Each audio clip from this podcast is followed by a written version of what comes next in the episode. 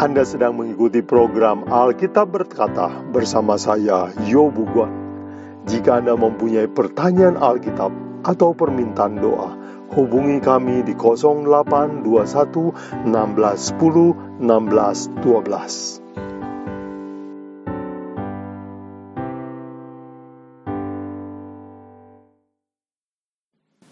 Bapak Ibu Saudara sekalian selamat bergabung kembali dalam pelajaran Alkitab berkata. Hari ini kita akan belajar Wahyu 12 Nubuatan tentang nasib gereja. Mari saudara sekalian kita berdoa lebih dahulu. Bapa dalam surga terima kasih untuk semua petunjuk bahaya yang Tuhan amarkan di dalam kitab sucimu. Bantu kami supaya mengertinya dengan tepat Kiranya Roh Kudus menolong kami selama kami belajar. Berkati semua pendengar yang rindu mencari kebenaran. Karena Tuhan berjanji bahwa firman Tuhan keluar dan tidak akan kembali dengan sia-sia. Kiranya setiap butir firman Tuhan boleh masuk ke dalam hati pendengar dan bertumbuh, berbuah 30 kali lipat, 60 kali lipat, 100 kali lipat. Diberkatilah kehidupan para pendengar sekalian. Bantu mereka dalam mengatasi segala pergumulan dan persembahan permasalahan hidup mereka. Kami minta ini semua dengan percaya dalam nama Yesus Kristus, Juru Selamat kami. Amin. Saudara sekalian, terima kasih saudara menyediakan waktu untuk mau belajar firman Tuhan. Hari ini kita akan belajar sebuah pasal yang penting di dalam Wahyu. Dan yang akan kita pelajari kali ini adalah Wahyu pasal 12. Nah saudara sekalian, apa isi dari Wahyu pasal 12. Saya ingin memberi nama ini adalah nubuatan nasib gereja. Nah, saya ingin mengelompokkan Wahyu 12 ini dalam empat struktur. Struktur yang pertama, kerangka yang pertama adalah perang antara Yesus melawan setan. Bagian yang kedua adalah rencana Tuhan bagi gerejanya, umatnya. Dan yang ketiga kita akan belajar rencana setan terhadap gereja. Dan bagian yang keempat kita akan belajar apa hasil, apa nasib gereja dari peperangan ini. Mari saudara sekalian kita mulai belajar. Wahyu 12 ayat 7 sampai 9 memberitahukan kepada kita asal muasal segala kesusahan di bumi ini Mari kita baca. Wahyu 12 ayat 7 sampai 9. Maka timbullah peperangan di sorga. Mikael dan malaikat-malaikatnya berperang melawan naga itu. Dan naga itu dibantu oleh malaikat-malaikatnya. Tetapi mereka tidak dapat bertahan. Mereka tidak dapat tempat lagi di sorga. Dan naga besar itu, si ular tua, yang disebut iblis atau satan yang menyesatkan seluruh dunia dilemparkan ke bawah dan ia dilemparkan ke bumi bersama dengan malaikat-malaikatnya. Nah, saudara sekalian, kita mendapatkan sebuah petunjuk dari Alkitab bahwa asal muasal dosa dan pertempuran antara pihak yang benar dan yang salah dimulainya di surga di kerajaan Allah. Dan peperangan ini antara dua pihak, yaitu Mikael dibantu malaikat-malaikatnya dan Satan dibantu malaikat-malaikatnya. Nah, siapakah ini Mikael, saudara sekalian? Menurut Alkitab, Mikael dalam 1 Tesalonika 4 ayat 16 dan 17 Mikael itu adalah yang bisa membangkitkan orang mati waktu dia datang kembali dari surga dan siapakah yang akan datang kembali ke bumi dan bisa membangkitkan orang mati? Dia adalah Yesus Kristus, bukan? Dan siapakah ini ular tua? Si ular tua adalah lambang dari iblis atau satan. Jadi satan atau setan atau iblis itu bukanlah makhluk yang mengerikan, dia adalah malaikat di surga. Dia adalah makhluk yang indah, tetapi mengadakan perlawanan melawan Yesus Kristus dan malaikatnya. Dan mereka kalah di surga, setan turun ke bumi dibuang ke bumi dan menyeret, membawa sepertiga dari malaikat. Jadi saudara sekalian, Alkitab memberitahu kepada kita bahwa setan jumlahnya banyak, yaitu sepertiga penghuni malaikat, dan dia bekerja keras di bumi ini. Jadi saudara sekalian, kita mendapatkan sum, uh, informasi sumber dari segala pertikaian di alam semesta, segala musibah yang menimpa di bumi ini, segala peperangan, kebencian, pertengkaran, penyakit, musibah ini adalah akibat peperangan antara yang jahat melawan yang benar, antara kebaikan melawan kejahatan dan itu semua dimulai di surga dan peperangannya turun ke bumi. Itu bagian yang pertama, saudara sekalian. Jadi, sekarang bagian yang kedua kita akan belajar apa rencana Tuhan setelah perang ini dari langit turun ke bumi. Mari kita lihat rencana Tuhan di Wahyu 12 ayat 1 maka tampaklah suatu tanda besar di langit, seorang perempuan berselubungkan matahari dengan bulan di bawah kakinya dan sebuah mahkota dari dua belas bintang di atas kepalanya. Nah saudara sekalian Wahyu 12 ayat 1 adalah rencana Tuhan untuk manusia. Mari kita lihat apa yang uh, kitab Wahyu 12 ini kodekan yaitu maka tampaklah suatu tanda besar di langit. Artinya Tuhan memulai rencana dari surga. Lalu kalimat berikutnya, seorang perempuan, apa artinya perempuan? Di dalam 2 Korintus 11 ayat 2 Paulus mengatakan bahwa Aku cemburu oleh cemburu ilahi karena aku telah mempertunangkan engkau dengan seorang pria bernama Yesus Kristus. Seperti seorang penga, seorang perawan suci. Jadi saudara sekalian, perempuan di dalam Alkitab adalah lambang kekasih Tuhan, lambang wanita suci yang ingin dilamar oleh Yesus Kristus. Jadi, perempuan artinya umat Tuhan, perempuan artinya gereja Tuhan. Kalau perempuan suci artinya kekasih Tuhan, tetapi kalau Alkitab mengatakan perempuan pelacur, itu artinya kekasih Tuhan, umat Tuhan, tetapi sudah berhubungan dengan doktrin-doktrin di luar Alkitab, itu disebut wanita pelacur. Karena dia telah berzina selain percaya kepada Yesus Kristus. Tetapi di dalam Wahyu 12 ayat 1 dikatakan seorang perempuan, perempuan yang suci. Artinya Tuhan merencanakan sebuah gereja umat Tuhan yang suci. Lalu apa cirinya rencana Tuhan ini? Dikatakan perempuan itu berselubungkan matahari. Dalam terjemahan lain dikatakan berbajukan sinar matahari. Jadi perempuan ini menutupi dirinya dengan sebuah pakaian serupa dengan matahari. Nah saudara sekalian lambang apakah matahari ini? matahari adalah lambang Yesus Kristus.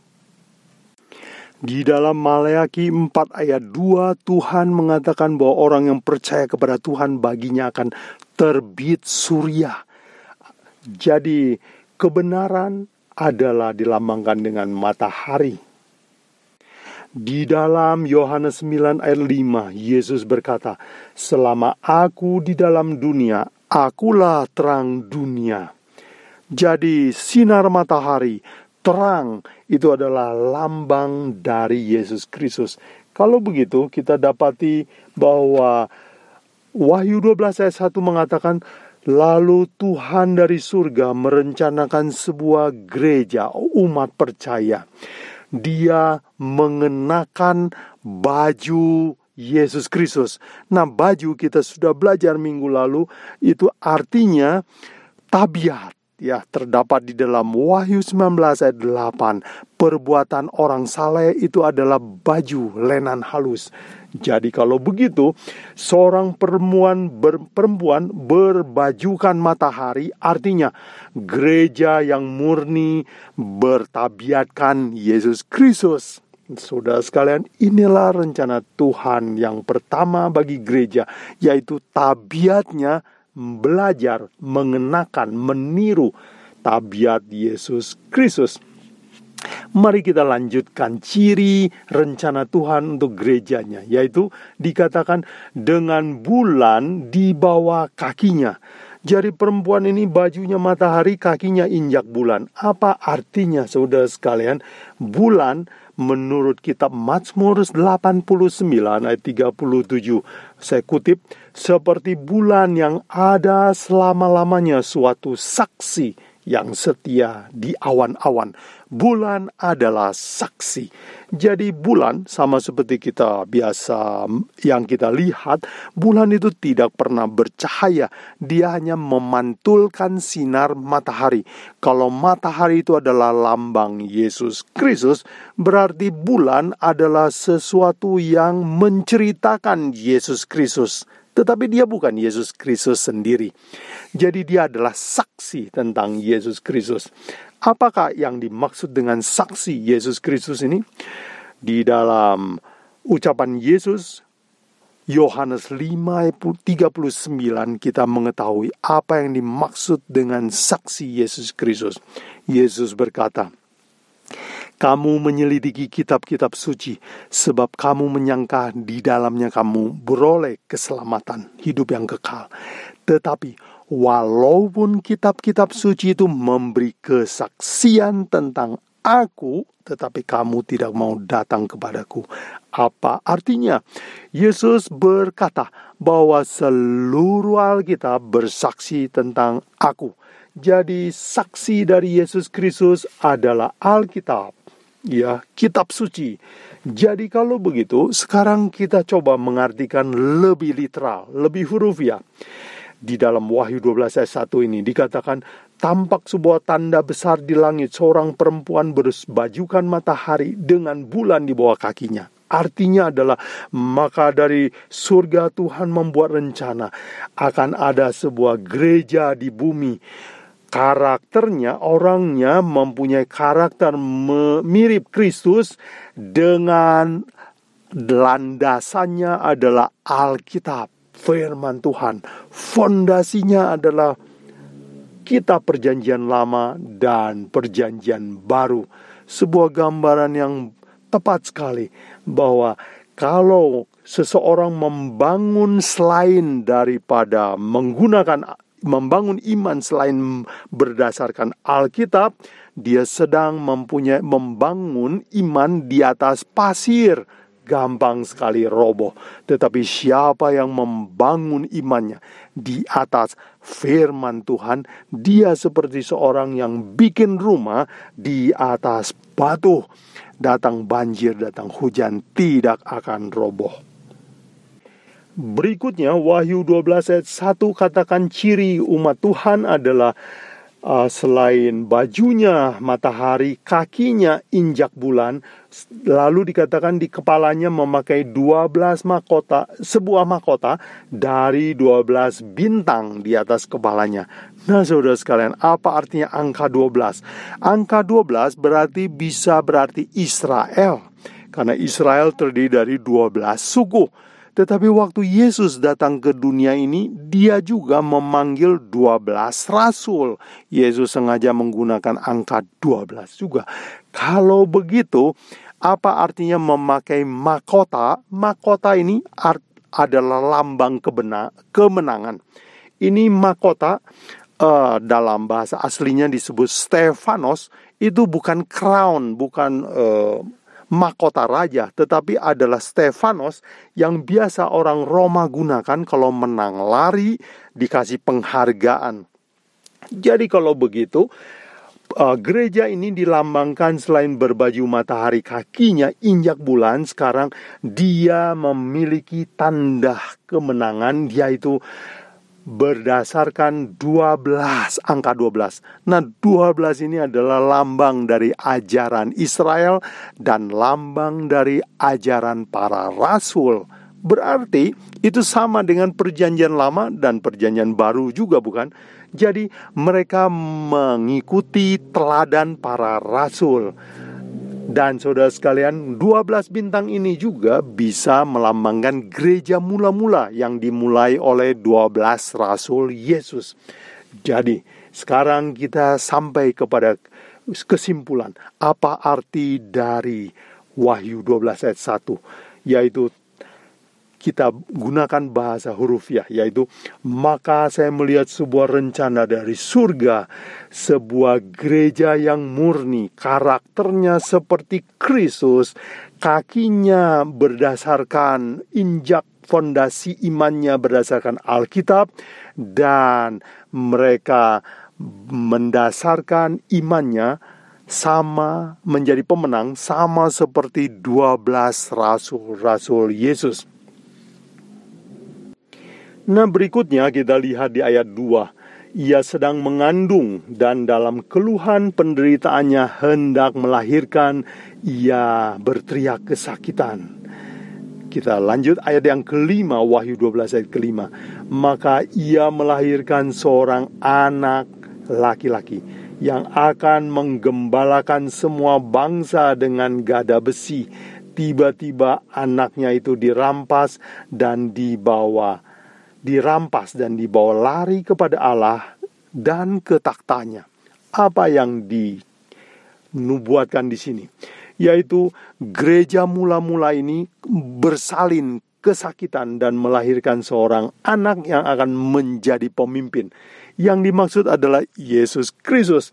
Karena Yohanes Kitab Yohanes 1 mengatakan bahwa Allah pada mulanya adalah firman, firman itu bersama dengan Allah dan firman itu adalah Allah sendiri dan kemudian dia katakan bahwa firman itu menjadi manusia dan tinggal bersama kita. Dalam Matius 1 uh, dikatakan bahwa Yesus akan diberi nama Immanuel yaitu Allah beserta dengan kita. Jadi gereja ini melahirkan Yesus Kristus dan Yesus Kristus ini akan memimpin bangsanya dengan gada besi. Nah, gada itu artinya tongkat. Dia gembala yang pakai tongkat besi. Sudah tahu kalau tongkat besi itu memukul itu bisa patah tulangnya dan kalau dia memukul ya mungkin piring atau benda-benda dari tembikar dia akan pecah hancur remuk. Apa artinya saudara sekalian memimpin dengan gada besi? Siapa yang mau dipimpin Yesus hatinya harus dihancurkan. Kalau tidak hancur dia tidak bisa jadi pengikut Yesus Kristus. Jadi Yesus adalah pemimpin, dia memukul dengan lemah lembut tetapi dia meminta pertobatan dari semua orang yang ikut dia. Nah Alkitab mengatakan di dalam ayat 5 ini tiba-tiba anaknya dirampas dan dibawa kepada Allah dan kepada taktanya. Apa yang diceritakan di sini? Ini adalah Yesus uh, mati, kemudian dia diangkat ke surga kembali. Itulah ceri apa nubuatan tentang uh, gereja dalam keadaan mula-mula. Hidupnya suci berdasarkan Alkitab, mengikuti ajaran ke-12 rasul, dan pemimpinnya adalah Yesus Kristus. Tetapi Yesus Kristus ini dibawa ke surga. Jadi saudara sekalian, sekarang kita mengerti bagian yang kedua dari pelajaran kita adalah apa rencana Tuhan buat umatnya. Dia mau umatnya menyerupai Yesus Kristus dan menginjak, mengalaskan imannya kepada Alkitab. Mari sekarang kita masuk ke bagian yang ketiga, yaitu apa rencana setan di bumi ini. Mari kita lihat Wahyu 12 ayat 3. Maka tampaklah suatu tanda yang lain di langit dan lihatlah seekor naga merah padam yang besar berkepala tujuh dan bertanduk sepuluh dan di atas kepalanya ada tujuh mahkota. Ayat 4 dan ekornya menyeret sepertiga dari bintang-bintang di langit dan melemparkannya ke bumi dan naga itu berdiri di hadapan perempuan yang hendak melahirkan itu untuk menelan anaknya sesudah perempuan itu melahirkannya. Rencana setan yang pertama adalah berusaha memusnahkan gereja, umat Tuhan. Jadi dia berdiri di hadapan perempuan katanya. Lalu dikatakan kalau perempuan itu begitu melahirkan dia akan makan anaknya. Kita tahu dari cerita di dalam kitab Matius tentang kelahiran Yesus. Waktu Yesus lahir, iblis menggunakan kerajaan Roma, raja Roma melalui Herodes untuk membunuh semua bayi di Bethlehem. Itu adalah usaha untuk membunuh Yesus. Waktu Yesus hidup, iblis juga menggunakan para pemimpin agama untuk membunuh dia dan pada akhirnya mereka berhasil menyalibkan Yesus Kristus. Tetapi anak yang dibunuh ini berhasil dirampas oleh Allah dan dibawa kembali ke surga. Nah, saudara sekalian, itulah rencana setan, yaitu menghancurkan gereja dan membunuh Yesus Kristus, tetapi tidak berhasil. Mari kita lihat apa usaha setan berikutnya menurut ramalan Alkitab ini. Di dalam Wahyu 12 ayat 6 dikatakan, perempuan itu lari ke padang gurun, di mana ia disediakan suatu tempat baginya oleh Allah supaya ia dipelihara di situ 1260 hari lamanya ayat 13, Wahyu 12 ayat 13. Dan ketika naga itu sadar bahwa ia telah dilemparkan di atas bumi, ia memburu perempuan yang melahirkan anak laki-laki itu. Nah, saudara lihat Alkitab meramalkan bahwa setan akan berusaha mengejar perempuan itu. Artinya setan akan berusaha mengejar gereja itu. Dan peperangan ini berlangsung berapa lama? dikatakan dalam ayat 6 uh, perempuan itu akan melarikan diri ke padang gurun dan di situ dipelihara oleh Tuhan selama 1260 hari lamanya. Kita sudah belajar menurut cara penafsiran nubuatan Yehezkiel 4 ayat 6, satu hari dalam nubuatan sama dengan satu tahun. Berarti gereja akan dianiaya selama 1260 tahun.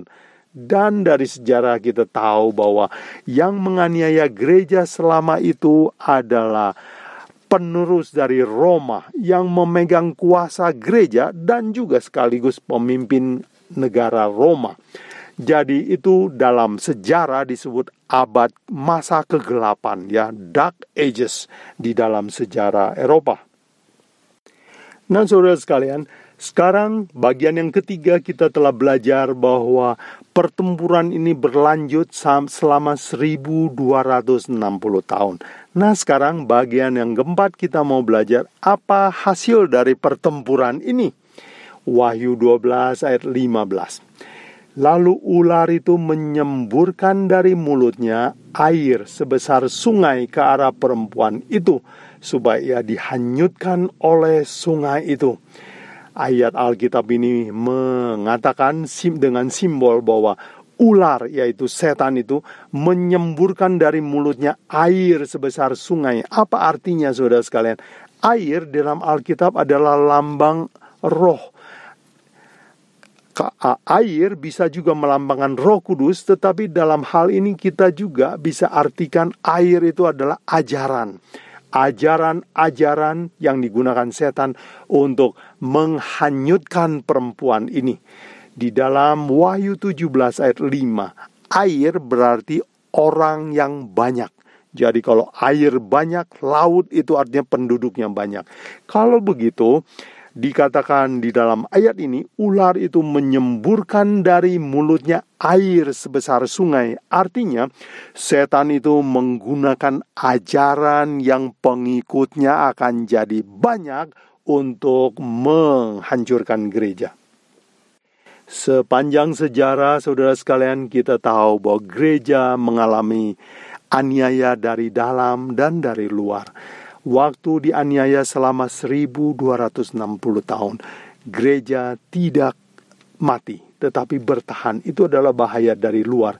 Sekarang setan menggunakan cara lain, yaitu menyemburkan ajaran yang pengikutnya pengikutnya banyak untuk menghancurkan gereja. Jadi kita tahu bahwa setan menggunakan ajaran-ajaran salah untuk menghancurkan gereja dari dalam. Apa yang dimaksud dengan air sebesar sungai untuk menghanyutkan perempuan.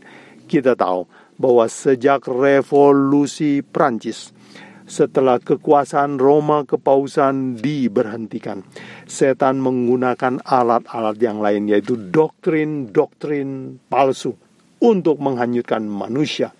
Dia menggunakan filsafat, dia menggunakan ilmu psikologi, dia mengajarkan teori evolusi. Dia berusaha mengajarkan ateisme bahwa tidak ada Tuhan dan dia berusaha menyingkirkan Tuhan dari buku-buku sekolah manusia, dari pendidikan, semua kata Tuhan dicabut, dicoret. Kalau saudara hari ini memperhatikan buku ilmu pengetahuan, tidak ada kata Tuhan di dalam buku ilmu pengetahuan. Paulus di dalam Kolose 2:8 berkata, Hati-hatilah supaya jangan ada orang yang menawan kamu dengan filsafatnya yang kosong dan palsu menurut menurut ajaran turun temurun dan roh-roh dunia tetapi tidak menurut Kristus. Filsafat. Saudara sekalian, filsafat adalah sesuatu yang booming, mulai naik cenderung naik ke trennya setelah kejatuhan kepausan menjadi bagian dari ilmu pengetahuan dan menjadi populer disenangi oleh manusia dalam mencari kebenaran.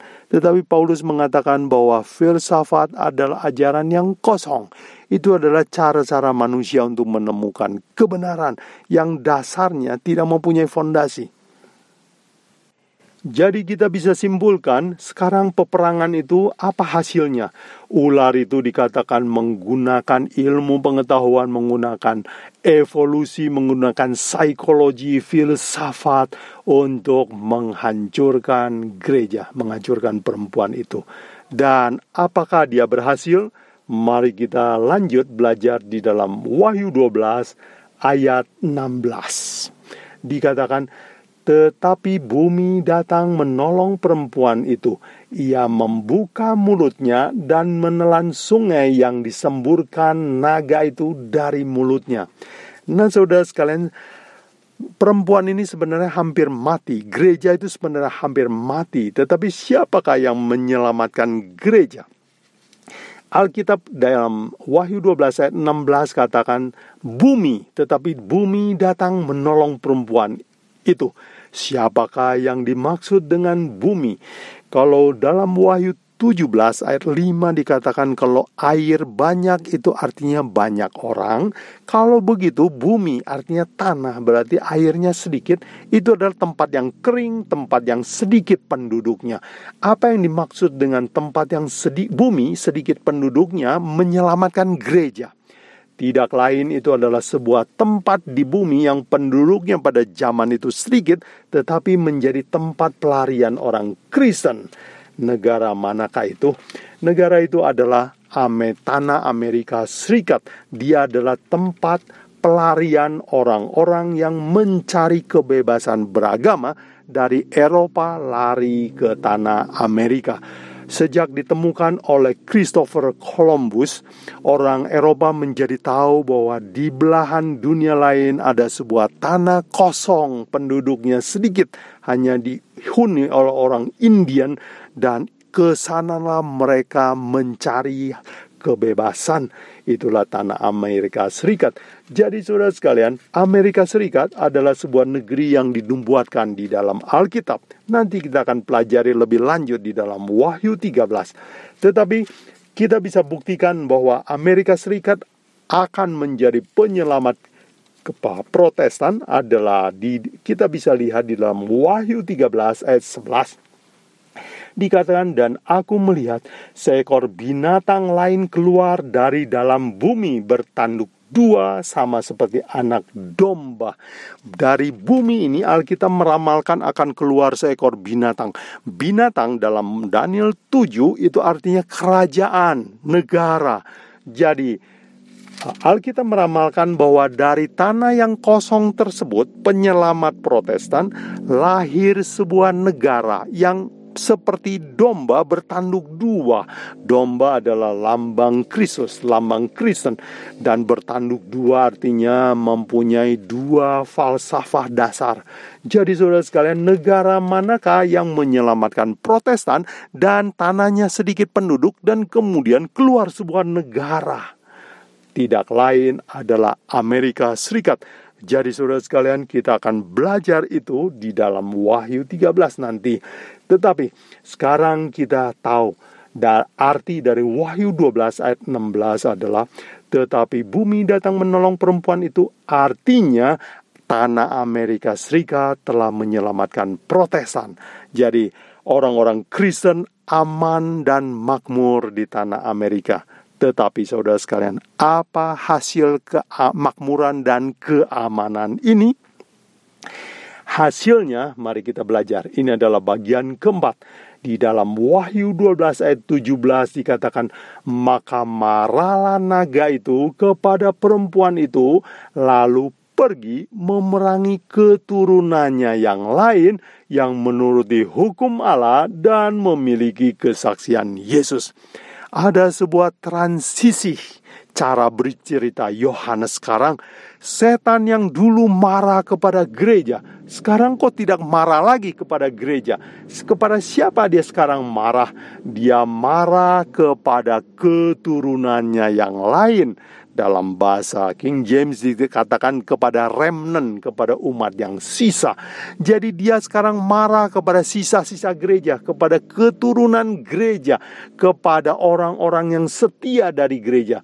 Kepada gereja yang besar dia sudah tidak marah, dia marah kepada orang-orang yang masih setia dari gereja tersebut.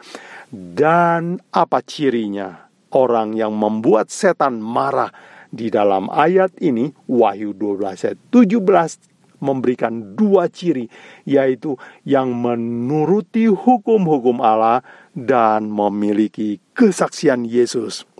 Kesaksian Yesus adalah Alkitab, bukan? Dan sepuluh hukum adalah kata-kata dari Allah sendiri. Dengan berkata lain, apa bagaimana uh, anggota gereja yang membuat setan tetap marah? yaitu yang berusaha menuruti hukum Allah dan menjadikan Alkitab sebagai dasar imannya. Saudara sekalian, pelajaran kita telah selesai. Mari saya izinkan saya untuk meringkaskan Wahyu 12 dalam empat bagian. Bagian yang pertama kita sudah belajar bahwa Asal mula segala peperangan dan kesusahan adalah dimulai di surga antara Kristus dibantu malaikatnya dan setan dibantu malaikatnya. Dan peperangan ini turun ke bumi. Bagian kedua kita belajar apa rencana Tuhan buat manusia di bumi, yaitu Tuhan ingin memiliki umat yang suci. Karakternya seperti Kristus, fondasinya adalah Alkitab dan mengikuti ajaran para rasul. Bagian yang kita ketiga kita belajar apa rencana setan di bumi ini. Dia berusaha menghancurkan gereja. Dia akan menyerang gereja dari luar selama 1260 tahun.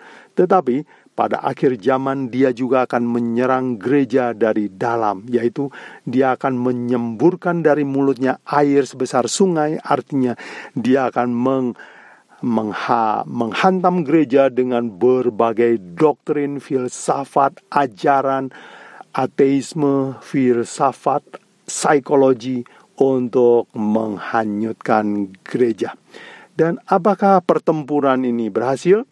Menurut Wahyu 12 ayat 7 bagian keempat dari pembahasan kita, kelihatannya setan berhasil menghancurkan gereja. Setelah gereja diselamatkan dan menjadi makmur di tanah Amerika Serikat, gereja menjadi lengah dan hanya sebagian orang yang tetap menuruti hukum Allah dan memiliki iman kepada Yesus. Kebanyakan anggota gereja menjadi lengah dan ikut pendapat mayoritas. Jadi saudara sekalian, itulah pelajaran yang kita pelajari hari ini. Apa aplikasi yang kita bisa ambil saudara sekalian? Wahyu 12 meramalkan bahwa gereja pada mula-mulanya suci dan setia kepada Alkitab. Pada akhir zaman, gereja akan mundur mengikuti ajaran-ajaran yang bukan berasal dari Alkitab, sehingga setan tidak lagi marah kepada dia, malah menjadi sahabat setan. Tetapi Alkitab mengatakan bahwa hanya umat yang sisa, hanya keturunan yang lain dari gereja itu yang akan dicintai oleh Tuhan, yaitu yang menuruti hukum Allah dan memiliki kesaksian Yesus. Mari kita tutup dengan nasihat Paulus di dalam 2 Timotius 4 ayat 2 dan 3 Paulus menasihatkan Timotius demikian. Beritakanlah firman, siap sedialah baik atau tidak, tidak baik waktunya. Nyatakan apa yang salah, tegurlah dan nasihatilah dengan segala kesabaran dan pengajaran. Ayat 3, karena akan datang waktunya orang tidak dapat dapat lagi menerima ajaran sehat tetapi mereka akan mengumpulkan guru-guru menurut kehendaknya untuk memuaskan keinginan telinganya saudara sekalian Paulus juga meramalkan bahwa pada akhir zaman gereja akan suka mendengar guru yang cocok dengan telinganya. Jadi saudara sekalian, sebagai aplikasi, marilah kita mawas diri. Ambillah Alkitab, pelajarilah, ujilah semua doktrin, khotbah, mimpi yang pernah dibagikan kita dengarkan. Tes dengan Alkitab, ujilah segala sesuatu dan peganglah yang benar. Itu yang Paulus nasihatkan di dalam 1 Tesalonika 5 ayat 21. Saudara sekalian, maukah saudara untuk menghadapi akhir zaman dengan tipuan yang sangat cerdik, tipu muslihat yang sangat cerdik dari iblis? Maukah saudara mengambil waktu pelajari Alkitab, baca, uji semua doktrin yang pernah saudara dengar, dan peganglah yang benar.